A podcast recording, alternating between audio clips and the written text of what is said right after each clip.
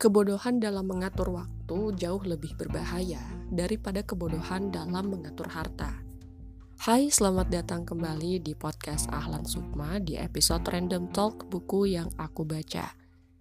Kali ini aku akan berbagi tentang buku yang sudah aku baca, yaitu sebuah buku berjudul Waktu adalah Kehidupan karya Dr. Yusuf Al-Qardawi.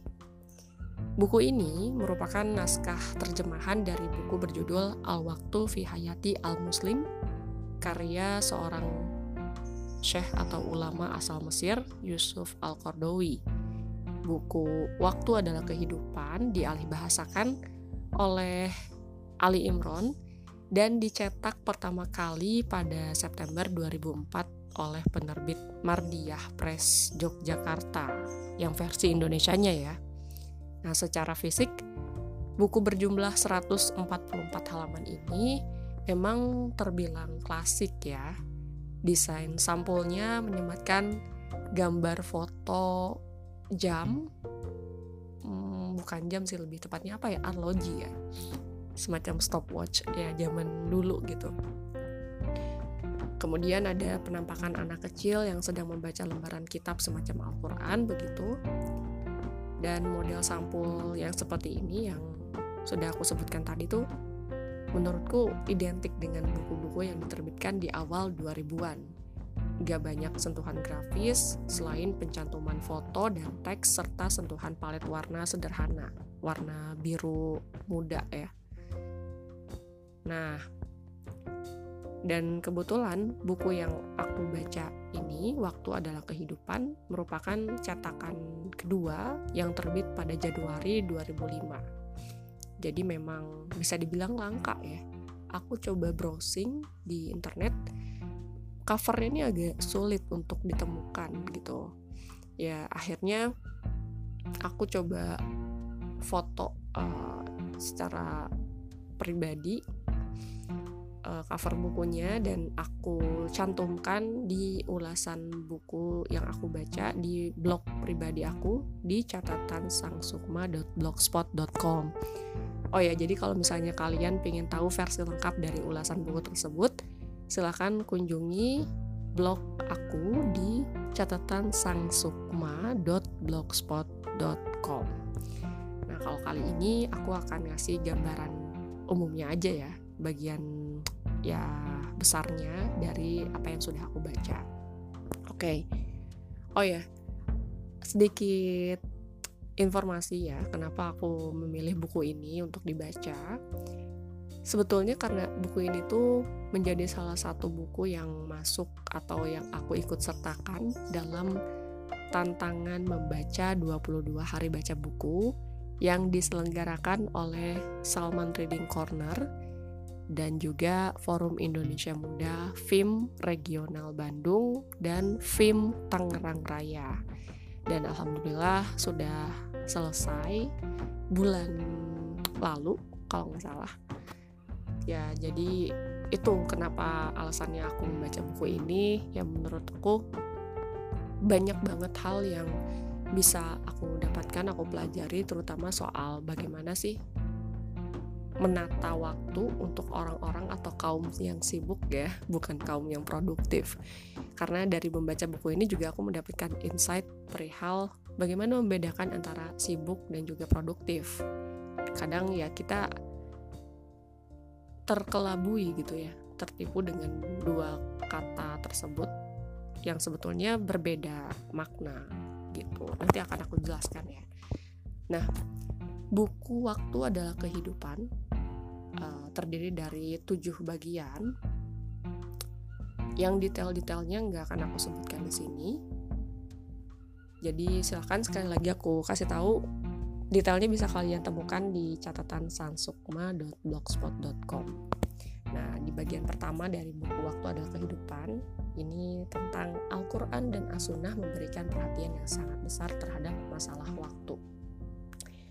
Ya, Allah bersumpah pada permulaan surat tertentu dalam Al-Quran dengan menggunakan fase tertentu dari waktu. Misalnya, walail wan nahar, malam dan siang. Wal faj demi waktu fajar, waduha demi waktu duha, dan wal asr demi waktu asar.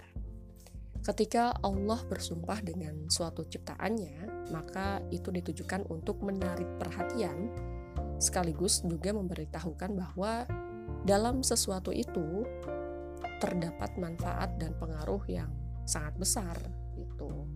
Nah, adapun di asunah atau hadis juga memberikan penegasan terhadap mahalnya nilai waktu.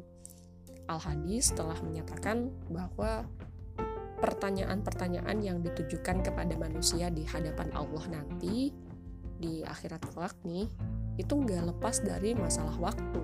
Bahkan empat pertanyaan mendasar yang akan diajukan nanti dua di antaranya adalah perihal waktu. Ada yang tahu nggak kira-kira apa pertanyaan itu? Nah kalian silakan cari tahu ya hadisnya, hadis uh, yang diriwayatkan oleh siapa dan bunyinya seperti apa. Oke, okay. jadi intinya adalah betapa Al-Quran dan As-Sunnah itu sangat mengapresiasi kehadiran waktu. Dan sebagai muslim sudah selayaknya untuk menghargai gitu. Memperhatikan pula keberadaan waktu dengan sebaik mungkin.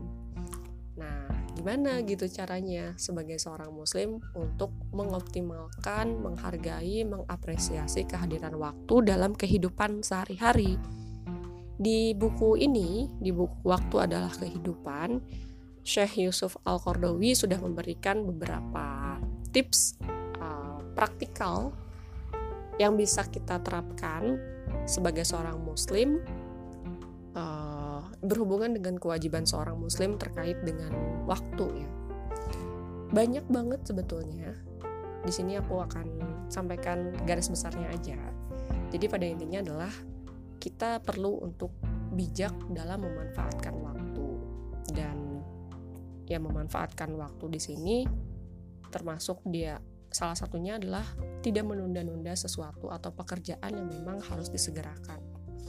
Mengoptimalkan waktu-waktu tertentu uh, misalnya seperti gak malam yang dimanfaatkan untuk tahajud, muhasabah, mendekatkan diri pada Sang Pencipta atau pada bulan Ramadan nih bisa dioptimalkan untuk beribadah sholat tarawih, puasa, tilawah, memperbanyak sedekah dan lain-lain gitu. Jadi intinya kewajiban seorang muslim terhadap waktu itu ya salah satunya adalah mengoptimalkan waktu dengan sebaik mungkin.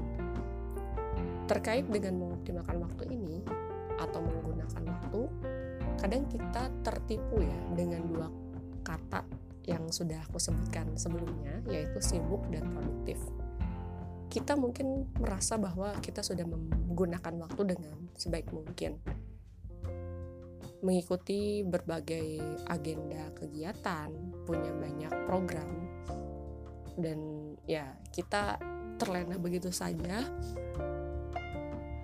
Kemudian kita merasa bahwa itu adalah uh, hal yang sudah kita optimalkan uh, berkaitan dengan waktu.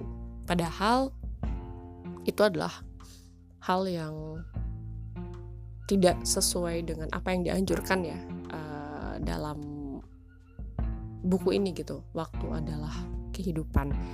Kita tertipu dengan kata sibuk dan lupa akan kata produktif. Jadi sibuk dan produktif adalah dua hal yang berbeda ya. Kalau produk kalau sibuk itu sekadar menghabiskan energi kita melakukan banyak hal tanpa tujuan atau target yang jelas tapi kalau produktif, kita bisa mengoptimalkan waktu dan menghasilkan sesuatu. Nah, kata kuncinya itu menghasilkan sesuatu. Jadi kalau sibuk itu kita sekedar ya capek gitu kan, menguras energi, uh, sibuk ya di sana sini banyak kegiatan, banyak agenda, bahkan multitasking mungkin ya. Itu termasuk juga kategori sibuk tapi nggak menghasilkan sesuatu. Nah, kalau produktif dia memang sama-sama menguras energi juga sebetulnya. Uh, tapi ada sesuatu yang dihasilkan di akhir dari apa yang sudah dikerjakan gitu. Nah inilah pentingnya seorang muslim untuk bisa mengoptimalkan waktunya dengan sebaik mungkin. Bukan hanya sekedar sibuk tapi juga produktif gitu sebetulnya banyak banget tips-tips ataupun mungkin hal praktikal yang bisa diterapkan oleh pembaca ketika membaca buku Waktu Adalah Kehidupan karya Syekh Yusuf Al-Qardawi ini. Versi lengkapnya ada di dalam buku itu atau spoilernya bisa kamu temukan di ulasan buku yang sudah aku posting di blog catatan sangsukma.blogspot.com. Silakan berkunjung ke sana. Nah, dan ada banyak banget insight atau kutipan menarik yang aku temukan di dalamnya. Salah satunya adalah tentang oh ya, tentang ini ya. Yang ada di bagian 6. Mungkinkah manusia memperpanjang usia? Jawabannya mungkin. Orang yang diberi taufik oleh Allah dalam menginfakkan waktunya akan mampu memperpanjang umurnya. Ia akan mampu memperpanjang kehidupannya setelah ia mati. Ia tetap hidup meski ia telah mati. Ia tetap mampu mengemban risalah untuk kehidupan meski ia telah terkubur. Jadi, suatu amal soleh atau suatu tindakan kebaikan yang kita lakukan di dunia ini nih, itu nantinya ketika diamalkan ulang, dicontoh oleh orang yang masih hidup atau mungkin generasi setelah kita, itulah yang akan menjadi dalam tanda petik umur kedua kita gitu sebagai manusia. Jadi apa pun hal baik ya untuk uh, meraih umur kedua manusia itu sorry apa ada pun ya cara untuk uh, meraih umur kedua manusia itu adalah dengan meninggalkan sesuatu yang bermanfaat untuk orang sesudah kita. Gitu. Ya seperti tadi misalnya kita melakukan suatu hal kebaikan proyek kebaikan kemudian punya ilmu yang bermanfaat untuk banyak orang kemudian ilmunya itu diterapkan oleh orang lain gitu yang mendapatkan ilmu dari kita. Itulah salah satu cara kita sebagai manusia untuk memperpanjang umur meskipun kita sudah meninggal gitu atau kita sudah terkubur nantinya. Seperti itu. Wah banyak banget lah pokoknya insight yang bisa kamu dapatkan dari buku Waktu Adalah Kehidupan karya Syekh Yusuf Al-Qardawi ini.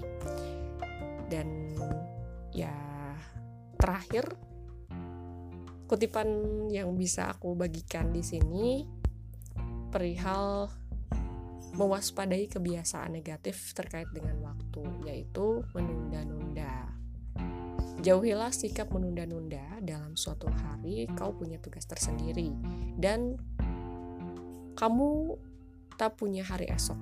Jika kamu punya hari esok, maka tugasmu hari itu sama dengan tugasmu hari ini. Jika kamu tak punya hari esok, kamu tak akan menyesali apa yang telah kamu lalaikan hari ini. Hasan Al-Basri. Sekian podcast Ahlan Sukma episode Random Talk buku yang aku baca yaitu buku Waktu Adalah Kehidupan karya Syekh Yusuf Al-Qardawi. Kalau kamu mendapatkan sesuatu dari mendengarkan podcast ini atau ada insight yang kamu petik dari mendengarkan ini, silahkan boleh banget untuk uh, komen di postingan podcast ini atau DM Instagram at Ahlan Sukma. Sekian dan terima kasih sudah mendengarkan sampai akhir dan sampai jumpa lagi di podcast Ahlan Sukma episode selanjutnya. Bye.